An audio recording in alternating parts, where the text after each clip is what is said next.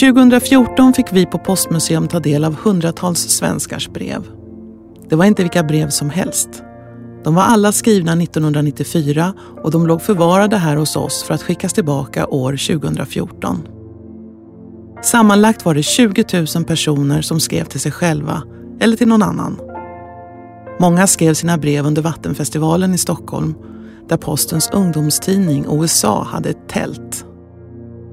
Det var Posten och OSA som startade projektet Skriv till dig själv om 20 år. På kuvertet kunde de som skrev kryssa i om breven fick öppnas i framtiden eller skulle skickas tillbaka oöppnade. Den veckan när vi öppnade och läste breven liknade ingen annan. Det var en tidsresa och en djupdykning i känslor.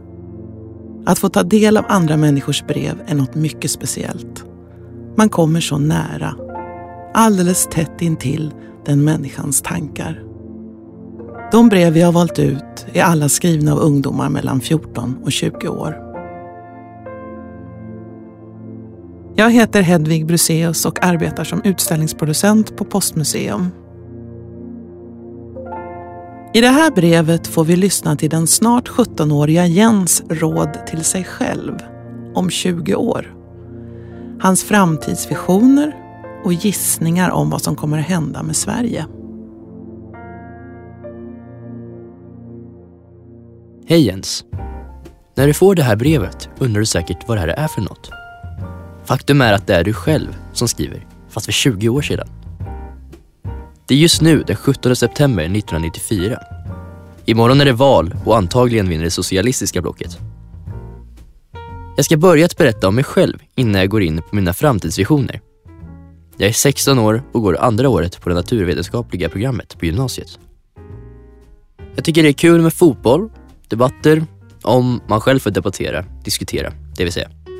Teater, tjejer, språk, att kunna, jobbigt att plugga, rollspel, andra spel, diplomacy är en höjdare. De flesta skolämnen, övrig sport, sprit i måttliga mängder och skvaller. Jag läser böcker av David Eddings, fantasy och samtidsskildringar av unga författare. Jag är tillsammans med Anna-Karin Hansson, Anki. Hon bor tyvärr i Malmö, som både Jeanette Lundholm och Angela Fritzson, mina två tidigare flammor, gör. Men jag kommer väl hitta flickor här i Stockholm också. Det hoppas jag verkligen att jag gör. Jag är intresserad av att lyssna på folks åsikter och jag kritiserar mycket, kanske för mycket. Det bästa att se på TV anser jag vara det underbara paret Henrik Schyffert och Robert Gustafsson med sin lite udda humor. Till exempel Jonglera med Keso, Percy Nilegårds Guide to a Better Sweden, Apache, hårdhumor från gaypolisen i Överkalix och så vidare. En ganska stor del av mitt liv tänker jag på tjejer.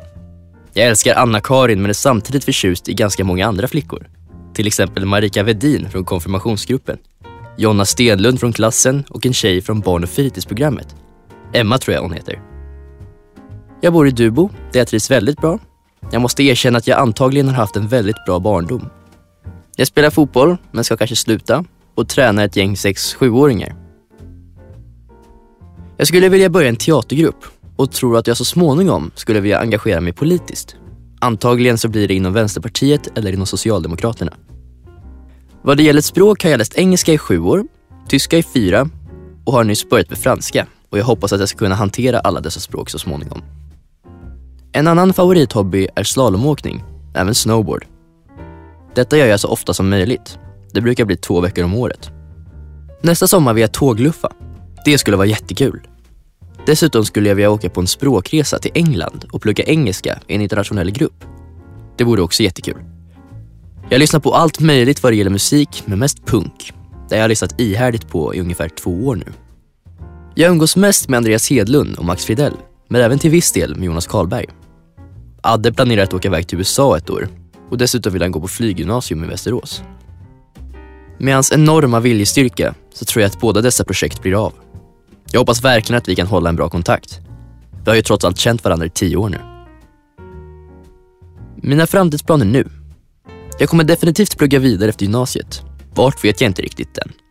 Det blir nog i alla fall ingen riktig naturvetarutbildning. Möjliga yrken är lärare, jurist, yrkesofficer, psykolog eller något annat socialt yrke där man träffar mycket folk och gärna ett yrke med många vackra kvinnor.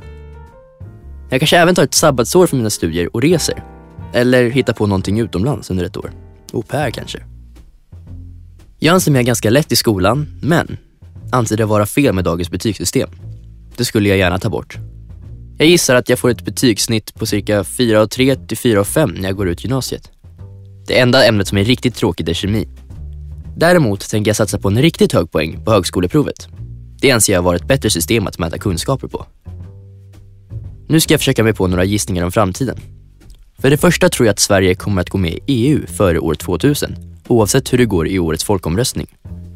Jag tror att Sverige kommer att bli mer högervridet i framtiden, alltså i politiken. Miljöförstöringen kommer att skada jordklotet, men Sverige kommer att klara sig ganska lindrigt undan. Vad det gäller mig själv kommer jag nog, när jag får detta brev, vara gift, ha familj och barn.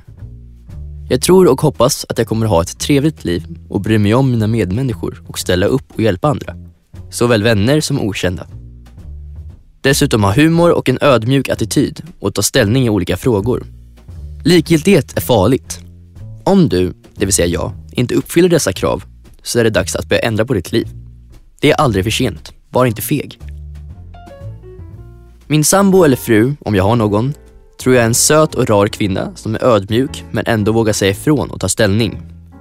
Eftersom alla flickvänner hittills har varit brunetter så skulle det inte förvåna mig om den här, mitt livs kvinna, också är det.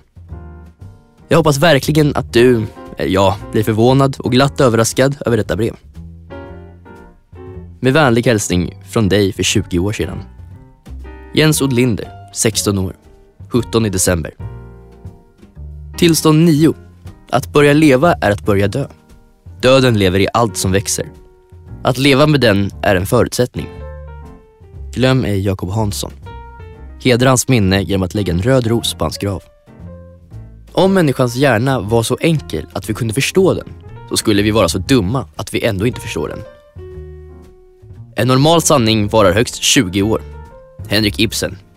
Upp till bevis Ibsen. PS. Är kärnkraften avvecklad än? Jag tror inte det i dagens läge, men man vet aldrig.